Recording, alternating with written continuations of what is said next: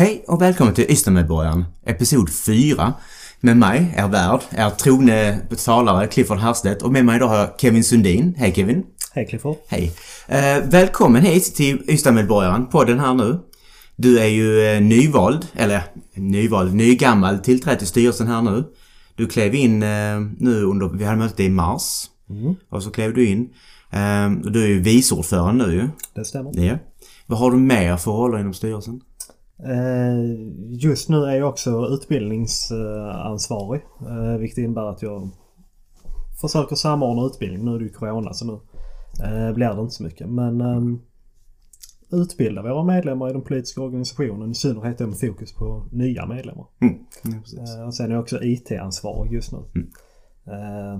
Det innebär väl mest att jag håller koll på vår mail och vår, våra sociala medier. Ja, ja precis. Det, det, det är intressant sådär för det har blivit nu med IT-frågorna och sånt där att det har blivit med hemsida och Facebook och så här, sociala medier och sånt där. Så har jag lite podden och sånt vilket är lite inkräktande på ditt territorium och sådär. Men det är vi, vi delar alla olika så, så vi Ja, hjälps men åt precis, det känns bra. Jag känner att teknik är inte mitt eh, naturliga habitat om man säger så. så det, Nej, nej, det, nej. det känns skönt att ha lite stöttning på det området. Absolut ja. ja men frågar du min bror så vet inte jag någonting heller. Så det så det det är liksom fake it till you make it som man säger. Precis. Så. Ja, idag så tänkte vi ju prata lite. Ja, det är ju påsk. Vi spelar in detta. Det är den 4 april. Så det är söndagen här nu, långfredagen har varit. När är påsken igen? Det är lördag? Det är idag. Det blir idag. Eh, Påskafton är. Ja. ja. Nej, påskafton var igår Påskafton då. var igår. Påskdagen Påskdagen idag, ja. Det är ju idag han äntligen har uppstått. Det är då han har uppsatt ja. På den tredje dagen uppsatt. Så då börjar vi väl... Man börjar väl känna på något sätt att det är påsk. I alla fall jag personligen på, på torsdagen. På Mm. skärtorsdagen. Ja. Eh, Det är ju då nattvarden instiftas och det är sista måltiden och så vidare. Mm. Har ni några specifika traditioner i familjen och sånt? Inte direkt. Vi, alltså min familj är inte religiös från början. Mm, Så det är... Eller från början och från början. Det beror på hur långt tillbaka man går. Men eh, jag är inte uppväxt med en liksom kristen fostran. Nej. Nej, nej, jag nämner det för jag är alltid nyfiken för man har ju sina egna familjetraditioner och sånt Precis. där så man måste ju fråga. Och det, det, är det liksom påskbord och det här. Liksom Precis. vanliga kulturkristna svenska. Kan man exakt. säga. Den jag minns från min ungdom är att påskmiddag som sagt vi har en familj vi åker och besöker och, sånt där, och så är det äggapickning, man målar ägg. Och jag, när jag pluggade så lärde jag mig att det inte är alla som marmorerar ägg. Eh, om du vet vad det är? Eh, nej. Du, du tar ett ägg och så klär du det i, eh, du tar eh, lök, gul lök eller rödlök, ytter, Ja, ja, ja, ja. Och så täcker du ägget med det och sen så eh, tar du aluminiumfolie på det och sen kokar du. Så får du en marmorerande effekt på äggen och sånt där. Nej, det gör inte vi. Det gör inte ni? Nej, nej. målar dem. Okej. Ja, och varför vi pratar påsken? Dels för att det är påsk nu så här, men det är också så att efter du gjorde ju militärtjänstgöringen. Precis. Ja, därför det var lite paus. Du var ju muff med... Var Jag muff. var, ju, jag var ju muffordförande och sen eh, ett par månader in i det här spektaklet och det var eh, EU-val på gång och, Ja. allt det här. Mm. Eh, eller om det hade varit precis. Ja, 2019 var väl eh, EU-valet? Året efter. Ja, just precis. Ja. Så det var ju i samband med hela den här eh, kaoset. Mm. Eh, så ryckte jag ju in och gjorde värnplikt på P7. Mm. Eh, och då fick jag utse en tjänsteförrättande ordförande. Mm. Eh, och sen avgick hon från styrelsen ett tag efter det och då fick jag utse ytterligare Mm. en tjänsteförrättande ordförande. Ja. Men det löste sig mycket bra. Det var Ja. högst kompetenta människor. Oh, absolut. Jag, jag har alltid imponerats av MUF, Ystad Österlen. Det är Mm. väldigt kompetenta ungdomar som är... Problemet vi har ju sen är att, ja, när de är i den åldern, sen så ska de till universitet. Så, Precis, så förlorar ja. vi dem. Så att vi försöker locka tillbaka dem sådär och sånt. Det blir mycket att man lämnar uh, Ystad för den Förstår. spännande världen utanför. Ja, precis. Ja. Studier och så vidare. Ja, eller militärtjänstgöring och sådär. Men, och efter det så när kommer du tillbaka och nu har du börjat studera. Och det är ju Lund du studerar. Och vad är det du studerar? Jag studerar teologi. Därav vårt, ju. vår länk här. Precis. Påsken och teologi knyter ihop det väldigt bra sådär. Eh, varför valde du teologi? Eh, när jag ryckte in Mm. eh, så var jag ganska fast övertygad om att jag skulle bli officer. Mm. Och sen efterhand som utbildningen gick eh, så trappades den här entusiasmen ner mer och mer. Eh, och sen kände jag att ja, ska jag verkligen bli det? Eh, så jag skrev ett hemvärnsavtal Mm. och är idag hemvärnssoldat istället. Mm. Det, det passar ganska bra. Mm. Det är liksom så mycket man har tid och sen är det ju ett antal dagar där man måste tjänstgöra. Det, det, det passar bra. Eh, och sen kände jag att ja, vad ska jag göra civilt? Så jag började jobba på uh, Verisure och vara säkerhetsexpert Mm, där ett tag.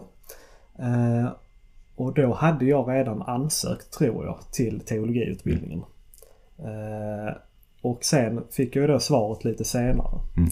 Och då stod jag lite, ska jag fortsätta jobba, ska jag börja plugga? Och det landade så småningom i att jag sa upp mig och började plugga. Mm.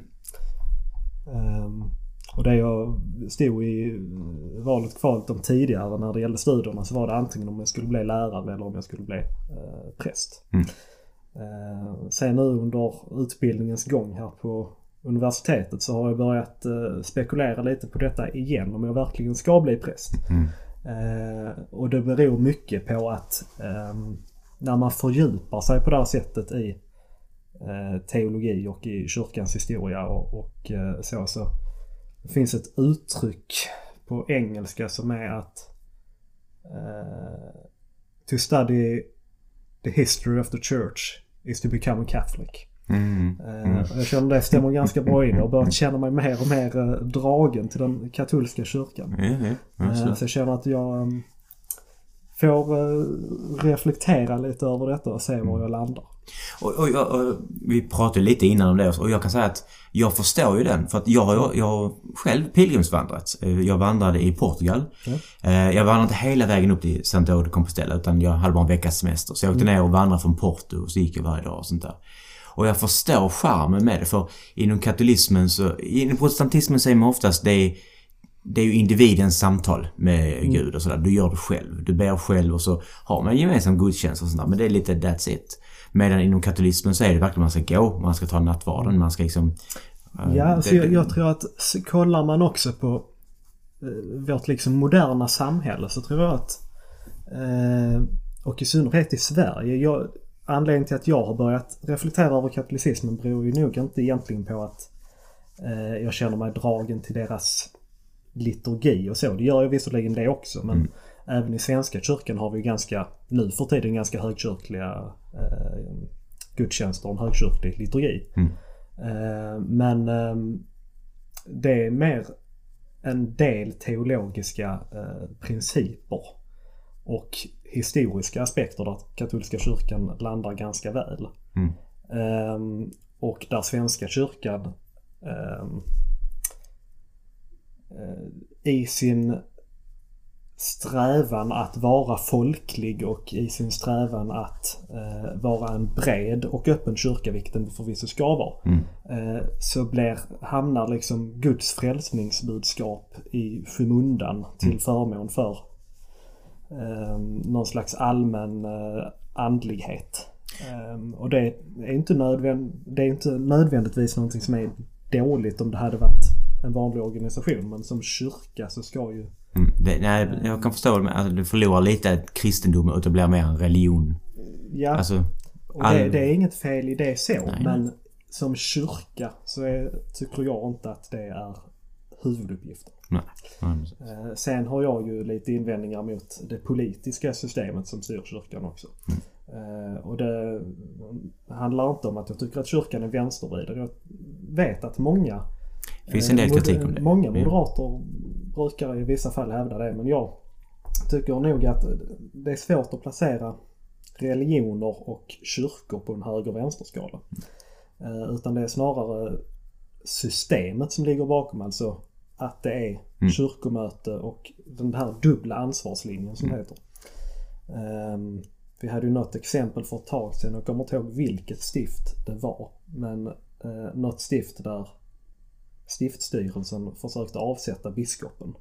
Mhm. eh, för de inte höll med. Och då har man ju landat fel som politiker som man ju faktiskt är i de här eh, olika styrande församlingarna.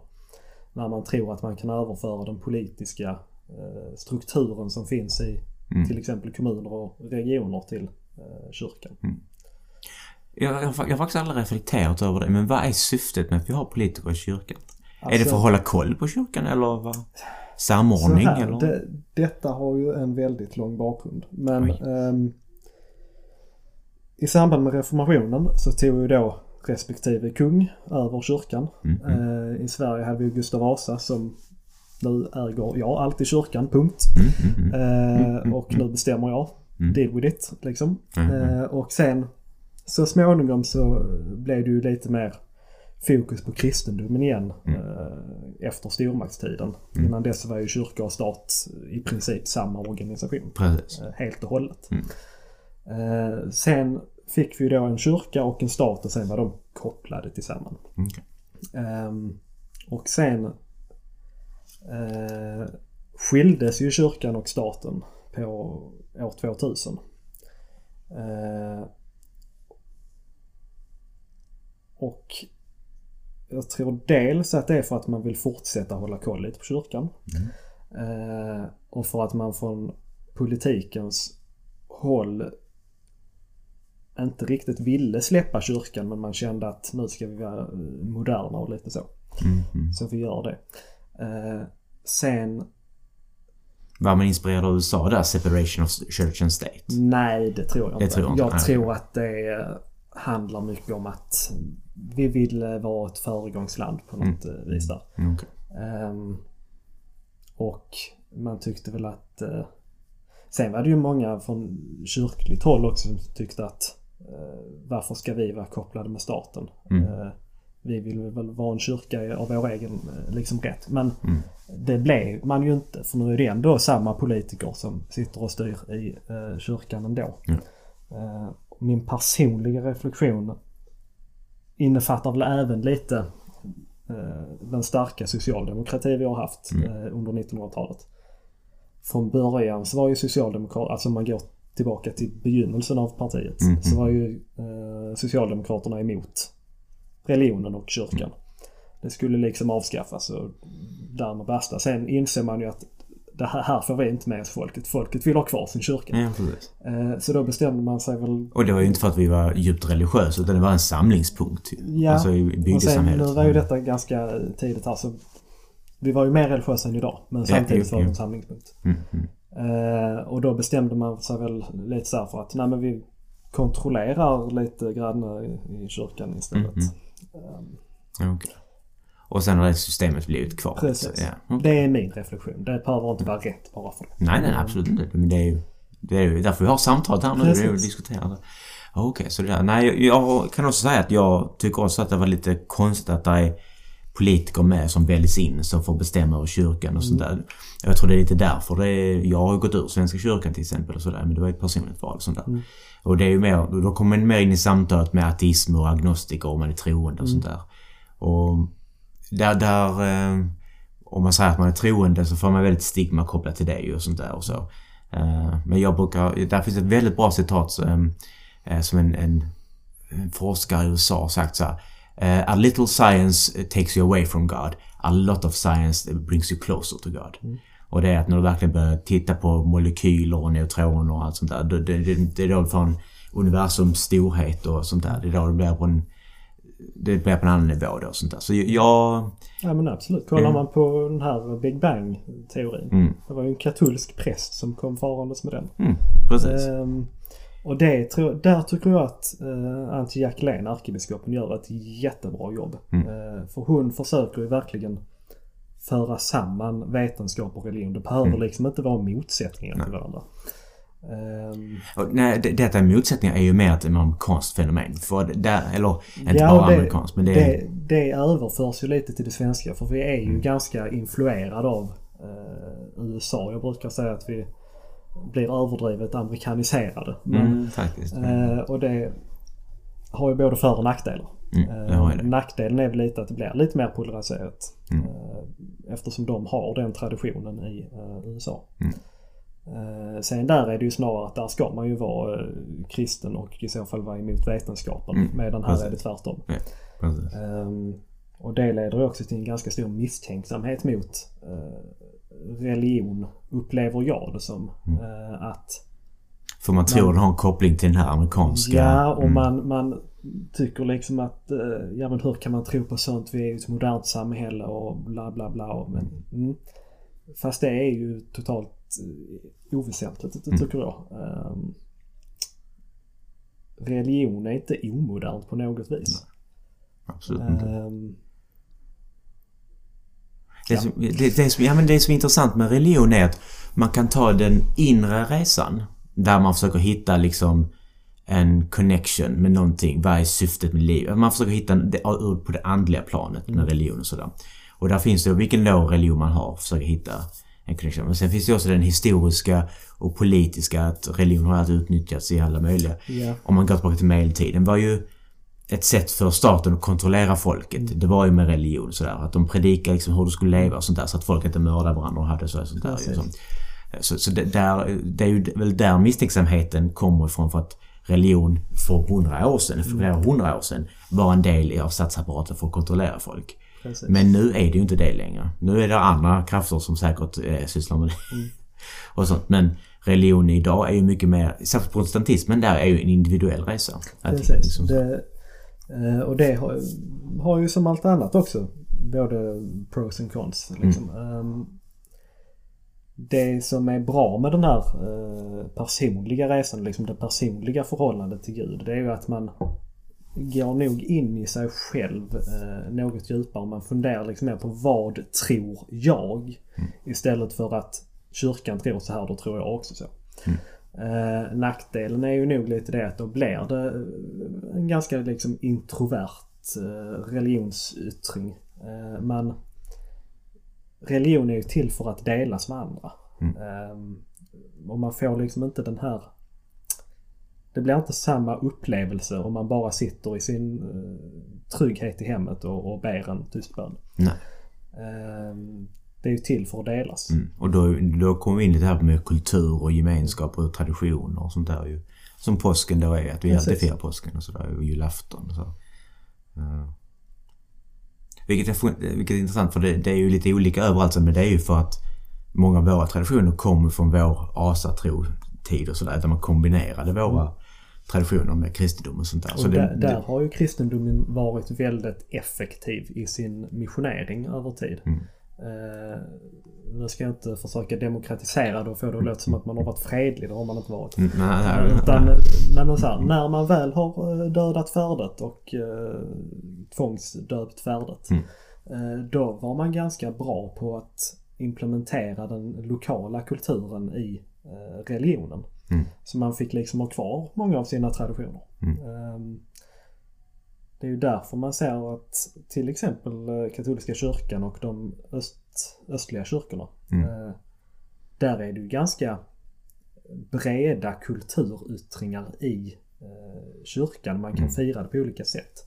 Eh, Många tänker inte på det närmare. Men för, menar här i Sverige så har vi Svenska kyrkan och det ser mer eller mindre likadant ut överallt. Mm. Mm. Eh, sen kollar man på romersk katolska kyrkan så, eh, eller på katolska kyrkan så eh, har man ju mer eller mindre samma sätt att fira gudstjänst men det tar sig uttryck på många olika sätt. Mm.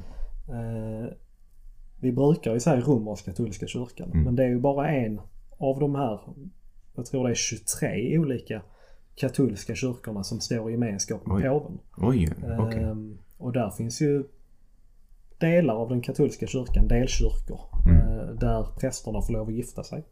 Mm. Eh, och det finns eh, alla möjliga olika variationer. Mm. Så vi inte är så bra på att liksom få in i vårt tankesätt när vi diskuterar detta i Sverige. Nej, vi i Sverige har, vi har ju religionskunskap i grundskolan men det är ju mer för att lära oss liksom att det finns andra och det här är de generella termerna men vi gör ju Ja, djupdykningar det, i det ju. Det, det är lite som att eh, läraren säger att de tror det och de tror det och de tror det och så är det. Ja, så behöver det ju inte vara. Det finns ju väldigt mycket mer djup i det hela än vad som förmedlas i Mm. eh, klassrummen. Det slog mig det att, med att kristendomen varit bra på att ta hedna ritualer som finns och integrera den i kristendomen och sådär. Att det är- stämmer även i öst. För jag vet att buddhismen, inom, i Japan har de liksom de inhemska religionerna var ju zen och shinto. Och det har inkorporerats då i shinto-buddhismen och zen-buddhismen och sånt där. Så det finns ju ett slag i alla religioner. Ja, de religioner som har lyckats i alla fall. Det kan, vara väldigt bra. De som har lyckats liksom och har liksom staying power. Det är ju de som Ja. har lyckats liksom att de, är, inte- de nöter inte utan de liksom är som vatten och flyter med. När det är motstånd så Mm, flyter de precis. runt det för att krama om det och sådär Ja. och sånt. Och så. Ja, det är ju... Kollar man på ehm, apostlamötet år 49 efter Kristus. Mm, mm. Eh, Det var ju strax efter han hade dött också skulle man då... Det var några apostlar, Petrus och Paulus och eh, några fler, som bestämde sig för att nu måste vi liksom klargöra en del saker här. För Mhm. Jesus sa ingenting om detta. Nej, nej, Eh, och vad gör vi nu? Mm. Eh, så då hade man ett möte och det handlar ju mycket om Ska icke-judar få lov att bli kristna? Eller ska det bara vara judar som får lov att bli kristna? Mm. Eller ska man kunna bli jude först och sen kristen? Mm. Eh, och detta kokar ju ner då i de här judiska gamla lagarna i Gamla Testamentet. Mm. Eh, och man kom så småningom fram till att nej. Ja, man får bli kristen direkt. Och blir man kristen direkt och inte har varit jude tidigare. Mm. Då måste man inte följa alla de här gamla judiska lagarna. Mm. Det var ett par man valde ut. Och detta innebar ju framförallt att man slapp omskära sig om man skulle bli kristen. Mm. Eh, och det hade ju nog också en ganska stor betydelse. Det kan jag tänka ja, precis. Ehm, Kirurgiskt ingrepp kan ju vara lite avskräckande. Ja. Ja. På den tiden. Så. Precis. ja. ja, jag har alltid frågat för jag, mm. För katolikerna har ju lite mer så här, vad man får och inte får äta än vad vi har. De har någonting med fisk Ja. får man inte äta på fastan eller? Nej, det, det är någonting... ja, de äter väl inte kött på vissa Så var det ja. De äter inte kött men de kan äta fisk. Och så var det en diskussion om bävern räknas som kött eller fisk, kommer jag ihåg. Ja. Och så, ja, så Jag det. tror att det är... Det är landgående djur av något slag. Landlevande djur räknas som kött medan Ja. Icke-landlevande är fisk då typ. Ja men det var någon annan kriterie där också. Och så, så, ö, en simmande ödla kan räknas som... Ja. Ja, ja nu är vi nere på nördnivå så det... Det. ja, men. Nej, jag vet att eh, Bibeln idag som finns, det var ju... ehm, det är inte allmänt känt men rådet vid Nicea Mm. som skapade den och det var ju... Jag trodde det var på typ 1400-talet men det var ju redan... Det var 300... 325. 325 ja. Och det var det att man tog alla de kristna skrifter som fanns där runt Medelhavet och så sammanställde man dem. Så, så Ja det, man, man, eh, man valde man ut klippa och klistra lite Ja, också man väl säga. Det är väl därför det, det är två historier om hur världen skapades i Bibeln till exempel och sånt där. Ja, inte riktigt. Inte riktigt, nej, men Det är därför jag frågar. Det, Det beror på att eh, när man pratar gamla testamentet så har man eh, någonting som kallas fyrkällshypotesen. Okej. Eh, och det är då de här böckerna som kan ha varit färdigställda, till exempel Första Moseboken. Mm, mm. Den var ju liksom som den var. Det är rådet vi Nicaea. Mm. Däremot så är ju innehållet i den i sin tur redigerat. Ja, Och då har man då eh, fyra källor. Det är Eloisten, Javisten, Prästskriften och... ehm, nu tappar jag bort den fjärde. Mm. Men... Eh, Det är inget prov jo, detta. Det är. Det är Deuteronomisten.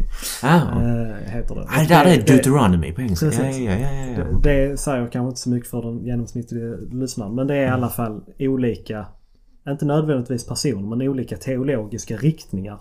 Som har legat till grund för vad som står. Okej. Eh, och detta kan ju variera från vers till vers. Mm. Ehm, Okej. så det, det, det kan vara ganska svårt ibland att liksom komma på vad, vad, vem har skrivit detta? Vad handlar detta om? Mm. Vad vill man förmedla här? Det. Och det är ju det som gör att Bibeln eh, kan vara ganska svårläst och ofta misstolkas. Mm. Eh, man har nästan en förväntan på sig som kristen att då ska du liksom... Men, till exempel, varför följer du inte de här lagarna då? Jo men detta är de gamla judiska lagarna som vi inte måste följa längre. Mm. Och ja men eh, tror du att detta hände bokstavligt så kan ju ingen tro. Ja men nej, Mm. jag tror inte att det hände bokstavligt. För jag personligen, nu kan jag bara prata för mig Ja, själv. ja. Men jag tror att allt i Bibeln är sant. Mm. Men det är inte samma typ av sanningar. Nej. För allting som står i Bibeln är inte bokstavligt sant. Nej. Det finns historiska Mm. texter som är historiskt sanna. Mm. Och det kan ju variera så att nästa vers kanske är något helt annat. Mm. Eh, Det finns poesi, det finns eh, allt möjligt. Jag menar jag går inte in i biblioteket och plockar fram en eh, bok om matematik och går fram till bibliotekarien. Alltså detta var den värsta poesin jag har läst. Mm. ja. Men det var inte poesi du läste. Nej, nej, Det-. Exakt. Nej. Så, Nej, och, och det där är också intressant för, för när jag växte upp så var det Bibeln fanns och jag gick i sån här söndagsskola. Jag, eh, och kanske inte lyssnare vet om men eh, eh, i alla fall, med, med, eh, jag har en släkt som var eh, nere från Arabemiraten och sådär. Så i min ungdom så var jag mycket i Abu Dhabi och sånt där. Och det var början på 90-talet. Så där. Och då fanns det den här eh, sjömanskyrkan. Det var den norska sjömanskyrkan. Ja. Och sånt där. Så då var vi där och det var lite söndagsskola och sådär och sånt. Men det man, jag fick lära mig när jag växte upp med Bibeln var ju att eh, tanken med den är att ge riktlinjer och liksom ge eh, livssituationer där hur man ska mm. tänka moraliskt stöd och sånt där. Mm. Och att liksom att ta det som historisk skrift ska man vara lite försiktig med och mm. sånt där. Och, sånt, och verkligen kolla upp och sådär. Men att som en, en riktlinje, en kompass. En ja, andlig det, kompass är den liksom absolut. Ja men det är väl ett bra liksom grundsätt att se på det tycker jag. Mm. Sen um, man går väl nog igenom olika stadier också känner jag när man läser Bibeln. Jag menar, när man är mm. liten då är det ju liksom sagor. Yeah. Berättelser. Ja, men faktiskt, alltså, som är yeah. intressanta ibland och ibland jättetråkiga. Ja. Eh, Kain och Abel var ju sådana man alltid tar med små barn. Och, sådär, så. och Noas ark och allt det där. Ja, Sen när man blir lite äldre så kanske antingen så struntar man i det och fortsätter liksom inte läsa Bibeln. Eller så mm. känner man att ja men det, det, kan liksom vara någon form av vägledning här och det mm. kan vara någon inspiration här och, mm. och eh, så vidare. Sen, mm. Så man går nog igenom olika stadier i sitt uh, bibel... Mm. I sin relation till bibeln. Om man nu har en relation. Ja, och bibeln är ju tänkt att läsas från perm till perm. Utan det är ju mer som att om, om du vill om du har problem med ilska eller du har någon ilska eller sorg i ditt liv. Det är då du letar upp det som finns i som hanterar och talar om sorg och ilska och liksom hur man kan bearbeta det och hantera det och sånt. Så det, det är mer en, en, en, en riktlinje. Och det, det, tror jag också är ganska mycket influerat av den här liksom strikta lutherska mm. rena evangeliska läran som det heter i, i, i uh, successionsordningen. Mm, mm. Som vi har haft i Sverige. Mm. Att uh, det ska liksom då nu ska ni kunna katekesen utan till och nu ska det vara si så. Pang, pang, pang. Uh, jag menar Karl den XII tror jag läste Bibeln från perm till perm. Och alltså det är ju inte... Det funkar inte så. Det är inte mm. en vanlig bok som man Nej. läser från perm till perm och sen får en bra sammanfattning av vad handlar detta om. För det handlar inte om samma saker. Nej. Det är inte samma typ av texter. Som Nej, du sa tidigare så mm. finns det ju två eh, skapelseberättelser. Mm. Eh, och det är för att det är olika teologiska riktningar som har haft inflytande på vad Precis. som har skrivits.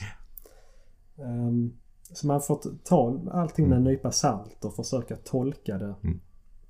eh, uteftersom man läser. Mm. Ja, det finns, det finns ju många sådana som, och där, där de som tror att man är bokstavstroende på Bibeln så här, försöker liksom hitta hål och sånt där och sånt. Men det, det är ju, det stämmer ju inte alls och sånt där. Jag är ju fullt Liksom det, det är att Jesus var född i Betlehem och sådär ju för att han var tvungen att skatteskriva sig där och mm. sånt ju. Men det finns ju inga historiska belägg för att man var tvungen att göra ju. Nej. Så, så liksom, så det är ju inte det. Och det, där finns ju en teori då att det skrevs ju för att det skulle passa med profetiorna som fanns vid den tiden och sånt där ju.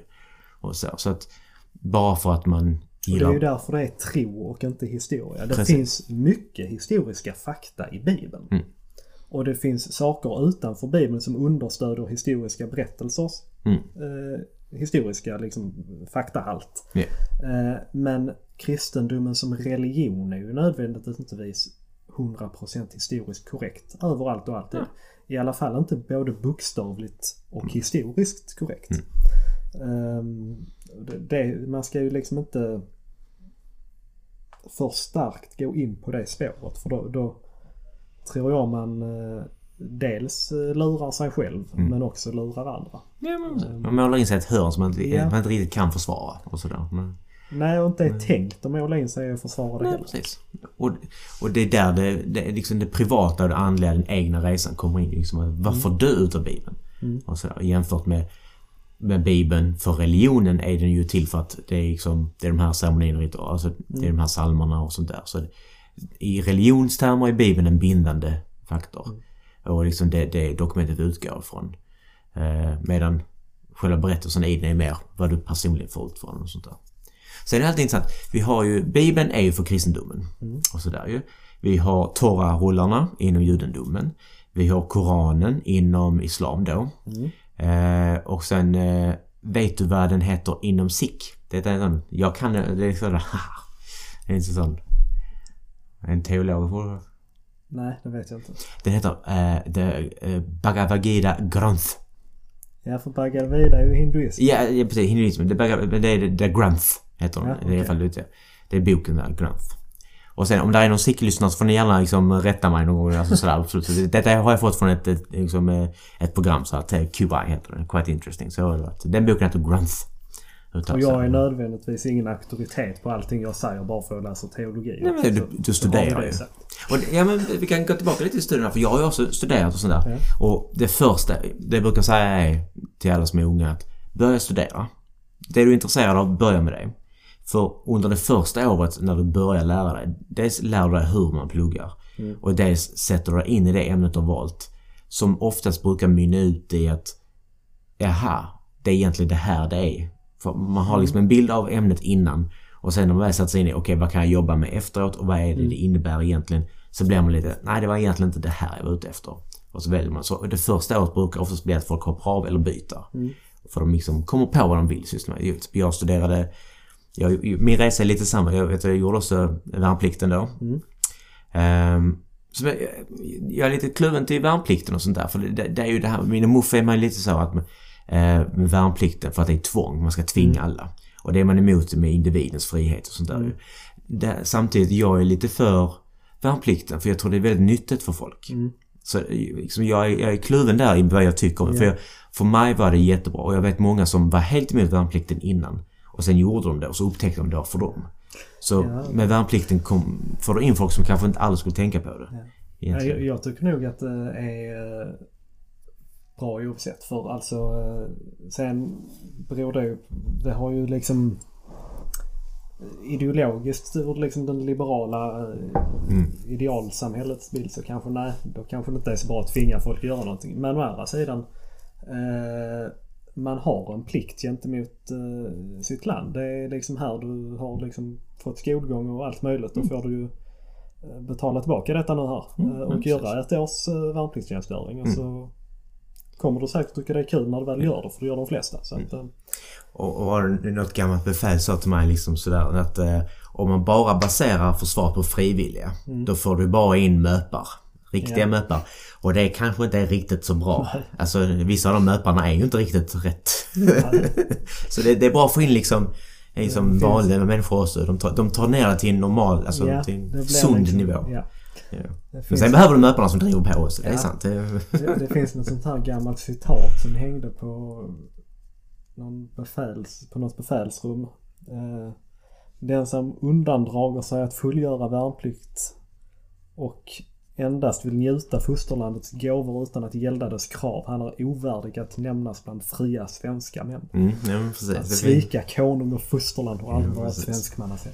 Exakt. Det är lite så väl högtravande men ändå eh, på något vis. eh, Ja, men det, ligger något i det. Ja men precis, exakt. För, för när man växer upp och om ett samhälle ställer upp så är det ju lite att vad är grundpelarna i samhället? Det är ju skola, sjukvård, polis och försvar. Och sjukvården är ju för vår åldershöst när vi är pensionär. Skolgången är för vår framtid så ungdomar kan utbilda sig. Och hur har vi säkerhet nu? Jo, dels är det ju polisen som upprätthåller lagarna så att alla Lagar är ju spelregler som vi alla går ut efter och sen så är det polisens strategi så vi följer de spelreglerna så att alla har på lika nivå. Och sen är det försvaret så att vår kultur och livsstil och det vi anser försvaras mot de som inte vill. För att, att tro att vi bara, att Sverige utan en, en armé finns, det, det, det är löjligt. Det, det Ja, finns inte. vi, alltså så här, vi har ju inte världens starkaste försvar, absolut inte. Men vi måste ändå upprätthålla en viss förmåga. Sen hade jag ju gärna sett att vi går med i NATO. Mm. Ehm, men ehm, vi måste ju ändå ha en viss egen förmåga. Mm. Ehm, och det tycker jag är bra att man börjar återbygga på nu. Faktiskt. Ehm, det känns rätt. Vi gick för långt på 90-talet med när, ah, nu är det ryska hotet borta, nu börjar vi avveckla. Vi avvecklar för mycket. Och det är ju det, är ju det som, ja, det är som den här Evergreen, tankerfartyget mm. Suezkanalen. Att det, det tar ju lång tid att vända. Så när vi väl hade vänt mot att vi ska avveckla så tog det lång tid innan vi kunde vända tillbaka. Precis. Så, så, så det, är- det gäller att se framåt och ehm, det finns ju, ja, har spelat de här spelen Rome Total War? Nej. Du har inte det? Nej. Ehm, eh, i, to- Rome, I Total War-serien, så, i alla fall i det gamla Rome, så fanns det alltid i laddningsskärm, för det fanns laddningsskärm på den tiden. Nu går allting så snabbt, men då fanns, fanns det tid. Och det hade de alltid citat. från gamla generaler. Och såna, liksom Klaus von Clausewitz och, Ja. och sådana här... Eh, eh, ja, från romarriket och grekerna och sånt där. Men det var det att... Sun Tzu. Va? Sun Tzu. Ja, Sun Tzu. Ja. Sun Tzu. Ehm, som jag faktiskt har läst. Den är väldigt, väldigt bra. Det är vä- väldigt grundläggande basic saker som man liksom bara säger alltså det, det klickar liksom bara. Ja men det är självklart, det är så. Ehm, men det är att, att, eh, att sträva efter fred är att förbereda för krig. Det, det är liksom att det är bättre att ha ett försvar och inte behöva använda det än att behöva, behöva det och inte ha det. Jo men absolut. Ja. Det, det säger ju sig självt. Jag Ja. menar jag... eh, Ja, jag försökte komma på någon bra liknelse. Ja, men jag inte. men alltså det säger ju sig självt. Vi kan ju inte sitta som... eh, Alltså det är som att måla en eh, stor skjut här-skylt på ryggen på sig själv. Mm. Och sen uh, gå runt om den. Det, Nej, precis. ja. Mm. Nej, och det är, det är ett, de som inte gillar försvar, det är ett nödvändigt ont. För att man ska Ja, ja. kunna ha allt det goda så måste man... Jag även- menar, jag är inte krigshetsare på något vis. Men vi måste kunna försvara oss. Mm. Eh, De brukar säga det. De, de som strävar efter krig, det är de som aldrig varit i krig. Mm. För vilka är det som lider i krig? Det är barn och kvinnor. Och även, även civila. Alltså det, Civila ja, lider ju allra mest. Precis, exakt. Mm. Så krig vill vi absolut inte ha. Men hur undviker man krig? Jo, att ha ett avskräckande moment. Precis. Förhöja tröskeleffekten. nu. Jag talar gott om hemvärnet där. Eh, Det var en rysk general som sa på 90-talet där att efter muren föll, och snackade fritt om det, var att en anledning till att de inte eh, liksom behöver tveka för att invadera Sverige var ju för att i varje hem fanns det ett vapen. Ja. Alla hemvärnare liksom, det fanns ju miljontals vapen och sådär. Så det skulle kosta dem jättemycket att ta gata Ja. för gata sådär. Nej men det, det... Samlat överlag. Vi hade ett jättestarkt flygvapen. Vi hade en stark flotta. Vi hade en duktig armé. Vi hade ett eh, brett folkligt förankrat försvar. I synnerhet med hemvärnet som i princip eh, var varannat hus fanns där en liten soldat som bodde i. Som man inte riktigt kunde ha koll på. Var kommer de ifrån nu då? Nej, Är de organiserade eller är det en och en? Är det gerillakrig? Det? Ja, precis. Det fria kriget. Som, Precis. Ja, precis. Ja. Sen krigar ju ryssarna på ett annat sätt än vad vi gör som är eh, lite skrämmande. Man kan, om man är intresserad, gå in och söka på deras artilleri. Det är inte alls kul. Nej, det är de här Eh, Tunguska. Ja, Nej, vet du det? Stora och de Ja, här. Man vill inte vara på fel ände av de grejerna. Nej, nej, oh nej, nej, oh, nej. Absolut Vi inte. har ju inte råd att kriga på det sättet. Nej, men precis. Men det, men det är det att, eh, att om man ska bita ett äpple, om, man avvaktar ju om det kostar för mycket. Precis. så att vi vill vara ett dyrköpt äpple. Det är Precis. Det vi vill vara. Men då har vi ju tagit av här teologin och påsken sådär och Ja. lite inne på liberalismen. Så där. Men jag, jag tänkte så här i liksom, eh, vi har pratat nu nästan 40 minuter. Eh, och så. Jag tänkte vi skulle nu på sluttampen eh, prata lite om det, det är liberalkonservatismen. Alltså att mo- för Moderaterna är ju liberalkonservatismen. Eh, och så är det bara för att för mig i början så var det liberalismen, den kan man, den förstår man och kan man och eh, den, den är rätt så lätt att förstå. Men konservatismen är svår, eh, särskilt när man är ung. Och så, här. så jag tänkte att vi skulle bryta ner eh, de bägge momenten. Så här. Jag tänkte så, kan börja då från min perspektiv. Så här. Liberalismen för mig är då individen. Och det är individens frihet. Att eh, tro, älska och att företaga hur du vill. Så här, det är liberalismen. Och eh, med grovt. Sen finns det, på detaljnivå kan vi, så men Ja. på en grovt sådär. Och sen konservatismen är då att om ett samhälle fungerar. Eh, alltså så att du kan vakna, gå till jobbet, ha din familj och gå hem. Om ett samhälle fungerar, då ska man ju göra försiktiga och små ändringar eh, för att göra det bättre. Ändringarna ska vara tänkta att vara till det bättre. Så att vara konservativ är att vara försiktig. Så det, och det är där missuppfattningen om konservatismen eh, inom Moderaterna finns. Att vi är inte emot saker och sånt där. Det är bara att vi är väldigt försiktiga och vill ha liksom, vetenskapliga stöd. Alltså vi bara... Vi är, vi är lite långsammare för vi vill vara försiktiga. För att om vi ändrar någonting med bäst... Liksom, the road to hell is paved with good intentions. Så liksom att visst, man kan ha bästa utsikterna och så, men om man gör lite för, vrider lite för mycket så kanske det någonting stort blir fel. Så det är bättre att ta det försiktigt. Och i synnerhet när det gäller saker som fungerar då ska man passa sig för att röra i det. Mm. Eh, och man får ju ta det lite lugnt. Alltså liksom Mm. sakta ner. Okej, vad ska vi fatta för beslut här nu? Mm. Blir det bättre eller är det ett beslut bara för att vi ska fatta ett beslut? Eh, och eh, Nej men beprövad erfarenhet brukar funka ganska bra. Mm. Eh, ja. Ja, och sen är det ju... Vad är politik om man bryter ner Politik är ju att det finns... Politik är ett sätt att ordna sig för det finns stö större samhällsproblem som måste lösas. Och det är med politiken man kan organisera sig för att lösa det. Och sen är det med vilken åskådning har, eller vilken... På vilket sätt tycker man det problemet ska lösas. Det är det parti man hamnar i. Precis, Och och där tycker jag att vi har hamnat lite snett i Sverige nu och i övriga Europa och världen. Mm. Att vi är så oerhört po- polariserade och Ja, min politiska motståndare, han är dum i huvudet, Mm. han vill bara förstöra. Ja men Jag tycker att sossarna har fel. Mm. Det tycker jag. Jag tycker de har jättefel. Mm. Men jag ifrågasätter ju inte någon sosse i Ystads intentioner eller hans vilja att göra samhället bättre. Nej. Jag tror absolut att han vill göra samhället bättre. Mm. Jag tror att det är Sverigedemokraterna vill göra samhället bättre. Jag tror till och med Vänsterpartiet vill göra samhället bättre. Ja. Men jag tycker de har fel sätt att komma dit i de flesta frågor. De flesta frågor. Ehm, och det behöver vi nog bli bättre på att liksom poängtera. I synnerhet nu när vi statsministern för ett tag sedan här gick ut och sa att det är ett hot mot demokratin om eh, Ulf Kristersson kommer till makten och tar stöd av SD. Mm. Eh, det kändes inte alls bra. Nej, det Eh, gav, att det gav fel stats- vibbar. Att Ja. höra statsministern säga det. Eh, Oroväckande vibbar. även om jag inte håller med Stefan Löfven, om jag är moderat och han är socialdemokrat så är han trots allt statsminister. Precis. Eh, och mm, Han har ju satt där och har ett förtroende på att han har det bästa i Sveriges, eh, i, alltså, å Sveriges vägnar i åtanke. Alltså det, det är därför han blivit ditröstad och så. Men det är alltid farligt att, och, ehm, för partier att det finns individer som inte har rätt. Eh, och det finns i alla absolut, partier. absolut. Det har vi i sossarna, det har vi i Moderaterna, det har vi i Miljöpartiet. Eh, och i alla partier finns det individer som de har inte de bästa liksom, de vill inte. det. Nej. Så, så det, det måste man alltid inom parti liksom vara försiktig med och sånt där. Men i syvende och sist, jag tror fortfarande att inom Ystad så vill ju alla partierna att våra äldre ska ha det bra, äta bra. eh, att våra skolor ska gå bra, ha de bästa ungdomar som kommer ut och sen att de förhoppningsvis flyttar tillbaka, Ja, startar företag här. precis. För, så är det ju.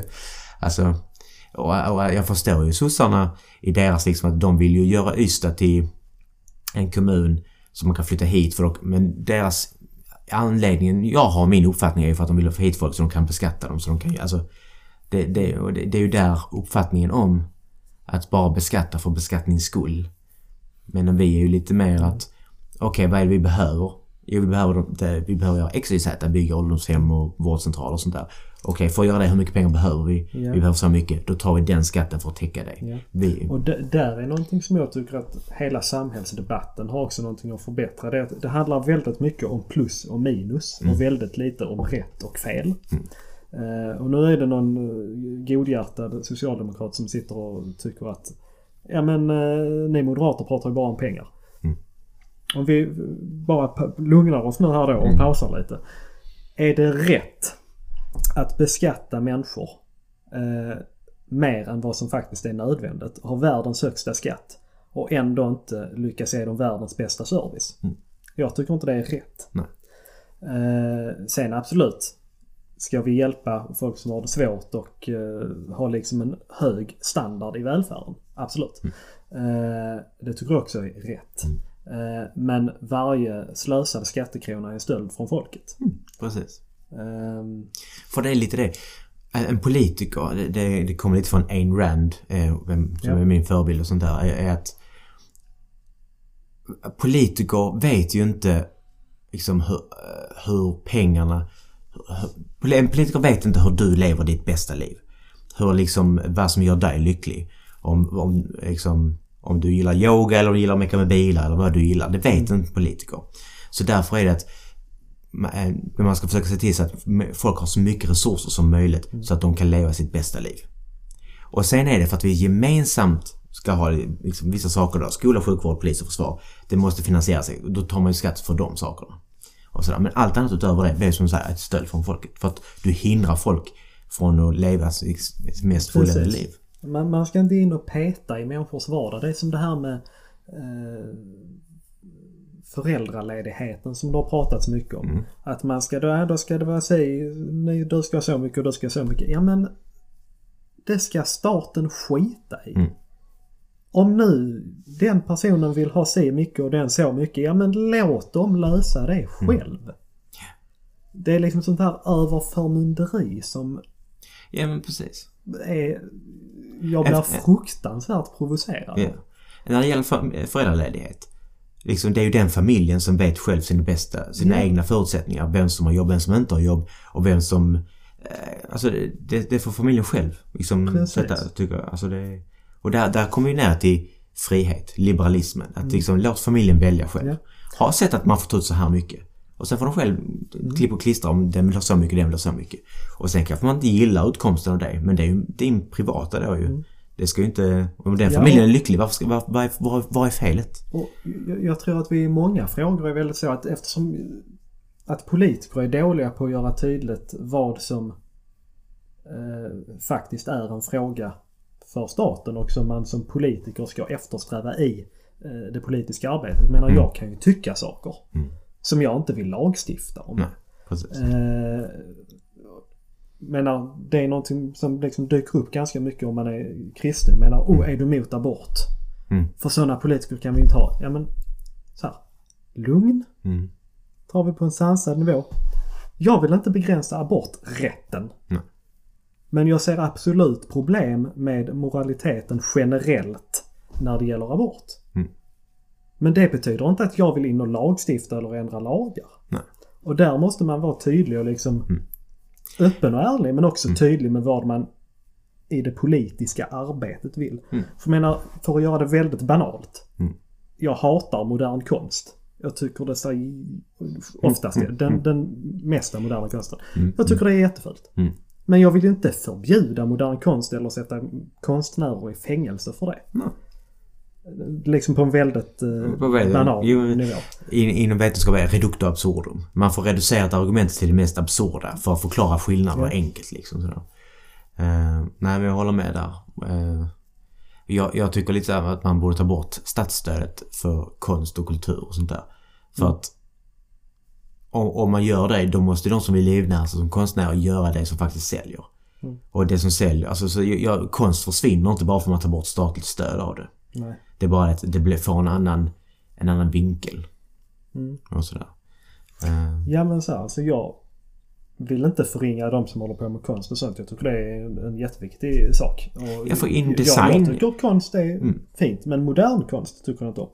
Mm. Uh, däremot tycker jag om det finns ju mycket konst som görs i modern tid som kan vara mm. vacker men liksom genren heter det så. Stilen. Stilen, ja. Stilen, jag tror, jag tror modern det, konst ja. tycker jag. Och det är liksom, sånt kan man applicera på väldigt mycket. Mm. Men sen är det också för att om, om, du har statligt stöd av det så blir det många, så mycket saker som inte är konst för pengar. Och sånt där. Precis. Det var ju Duchamp som, svar, som svarade på den frågan, vad är konst? Men han sa, Duchamp sa det att är det bra så är det konst. Är det inte bra så är det inte konst. Det, det, det är liksom det är grundtesen. Ja men det är det här. Ligger mm. skönhet i betraktarens eller mm, i åskådarens... Uh, ja. jag får vara försiktig här i Ystad. Jag har konstrundan här borta. Ja. Ja, men, men, men en fördel för konst är att jag pluggade på ett eh, universitet som hade mycket industri och så här, mycket ingenjör och sånt där.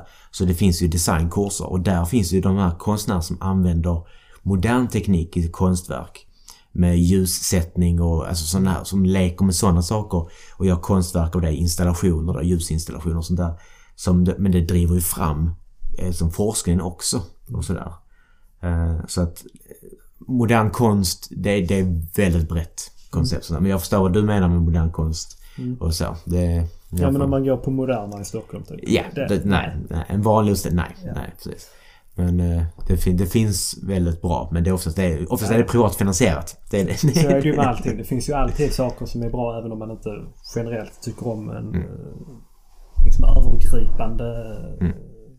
Men sen finns det de som hävdar liksom att en bilutställning med ganska klassiska hur bilen har utvecklats, mm. design för att det är modern konst ju.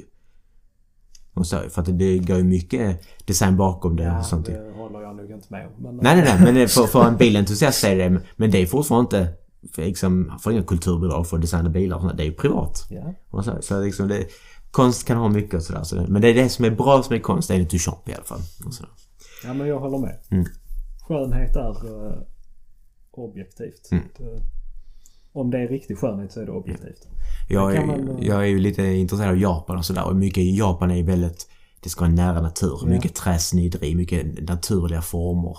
Mm. Eh, och, de, och, de, och, ja, och de har även så här, eh, för det uppstod att lergods som de importerade från Kina sig gick ju sönder och då lagade de det med guld. Ja, och det blev har så, ja, och det blev liksom, det blev en sån uppskattad form för att det blev liksom att att det fanns skönhet i, i saker som har gått sönder också, Ja. eller restaurering. Så att det är faktiskt något att man köper in stengods, krossar och sen lagar man Ja, det med, vet du, det- med guld. Sådär. Så det, det är inte det att vi är antikonst, det är bara det att vi är... Ja, hur ska man definiera? Vi, vi, Vi, har, gillar... vi har en, eh, en konservativ, um, ett konservativt förhållningssätt. Ja, precis, exakt. Försiktig, försiktig konst. så kan man säga. Konservativ, ja men då, konservativ konst. Ja.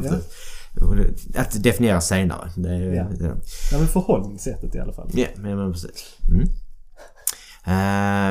Jag ska säga, vi börjar ju närma oss slutet på denna podden här. Ja. Vi tänkte nä- eh, nämna då hur ser det politiska läget ut just nu? Eh, och vi är ju i Ystad, det är april 2021. Det är val nästa år. Det är, man börjar redan känna hur valurnorna börjar dammas av och Ja, folk positionerar sig Ja, över där ja. och man börjar uh, ta fram arsenalen för att... Precis. Och vi sitter ju bägge två i nämnder och sånt där så vi kan ju inte och där får man ju, man får inte säga vissa saker och sånt där och sånt för det finns sekretess och sånt där. och sånt. Så vi, så vi går ju inte in på specifika frågor och sånt där men det generella läget, min uppfattning i alla fall, det är ju lite åt att den stora som vi upplever från Moderaterna är att eh, socialdemokraterna börjar rikta sig mycket mer landsbygdsfrågor och sånt där. För de har förlorat mycket eh, av sina väljare till Sverigedemokraterna och sånt där. Så de försöker vinna tillbaka dem lite. Ja, men Vilket- med. Ja, men, det men jag tror det är tricky för dem för att de har mycket, de har ju mycket samarbete med Centern här i Ystad. Ja, Så att det blir ju lite... de konkurrerar lite om samma um, Mm, väljare. precis. Och så, och det, så det, och det, det är ju där, väl därför kanske det blir en sån fråga om kosten och sånt där i skolor i, i, eh, i, i äldrevården och sådär. För att vi är ju en landsbygds... Alltså vi har ju... Ystad är ju mycket, vi är en turistkommun och vi är en pensionärskommun och vi är en landsbygdskommun. Vi, vi är ju väldigt mycket samlat och så. Och så, så jag tror det är därför det blir en stor, stor fråga av det. Men så jag tror det är där lite som eh, vad ni kommer, kära lyssnare, kommer se liksom nu mot valet och sådär. Mycket insändare, särskilt från sossarna. Och sådär ju att det är landsbygdsfrågor som kommer att bli en stor grej. För att de har förlorat de väljarna. Och sådär. Ja, men det, det håller jag med om. Det, det, det kommer att bli en intressant valrörelse om inte annat. Mm. Um, nu när tonen har börjat hårdna Mm. allt mer. Vad, vad tror du? Vi är ju mitt i pandemin fortfarande. Vaccinen har börjat Ja. komma ut som blir hela tiden mer och mer försenade. Förhoppningsvis är ju vaccinen klara så vi är ur pandemin till valet ju. Jag hoppas verkligen det. Mm. Eh, jag ska nog till och med lägga in en liten bön för det. Ja, Men eh, det, det känns ju väldigt eh, surrealistiskt att bedriva valrörelse enbart online. Så, så att jag hoppas ju att vi kan lägga denna dystra parentes bakom oss. Mm. Eh, men eh, vi får väl se. Eh, Alltså, det, det är... I valrörelsen jag varit med på så har jag alltid tyckt det var jätteroligt att möta väljarna ute. För att, Ja, det är ju det som gör det roligt att vara ute på stan och vara ute Mm. och knacka dörr och få ta del av både positiva synpunkter men också Mm. negativa synpunkter. och att ha ett politiskt samtal. Ja. Att faktiskt diskutera det här. Alltså du tycker så, jag tycker så här för Precis. att och så vidare. Så länge det är Mm. på liksom en bra nivå. Det har ju varit incidenter där det har varit eh, på allt annat än en bra nivå. Ja men, Eh, verkligen. men generellt så har det ju Mm. sett ganska bra ut här i Ystad i alla fall. Det, det jag vill uppmana våra, våra lyssnare att tänka på är att eh, i valrörelsen, de som står oftast på de lokala torgen, det är kommunpolitiker. Och de frågor som ofta engagerar folk är ju nationella Ja. frågor. Så det, där blir en liten liksom en skarv där att de kommunala politikerna har oftast inte någon in, inflytande alls över de nationella frågorna och sånt där och sånt. Men ibland kommer det ju riksdagsledamöter och besöker Mm. så. Så det är därför vi vill ha lite så för att de riksdagsmän som kan prata om de här frågorna kommer och besöker och sånt där. Så det är Ja. alltid viktigt att komma fram och prata med dem och så. Och då kommer det komma i förväg om vi får något sånt eh, Mm. Distinkt besök på Facebook eller motsvarande. Nej men precis. Vi hör. Och jag ska försöka fånga upp dem så att de är beredda på att göra en intervju Ja. här i du, podden så vi får fler avsnitt så här lite mer regelbundet. Tanken var ju, jag har redan sagt det, jag- det är en Ja. ursäkt varenda gång, men tanken var ju en gång i månaden och sådär ju men eh, ja, det har inte blivit så många besök och coronatiden och sånt där och sånt. Så det är, håll till godo så länge detta, detta avsnittet kommer ju ut relativt snart. Ja.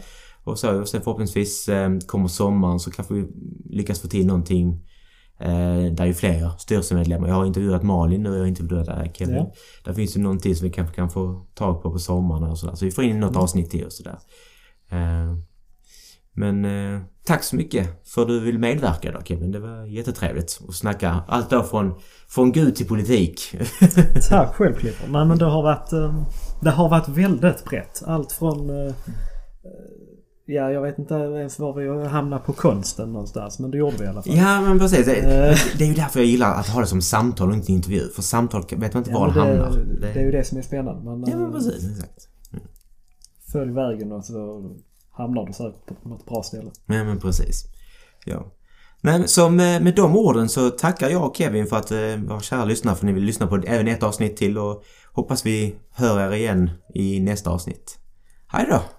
Hej då!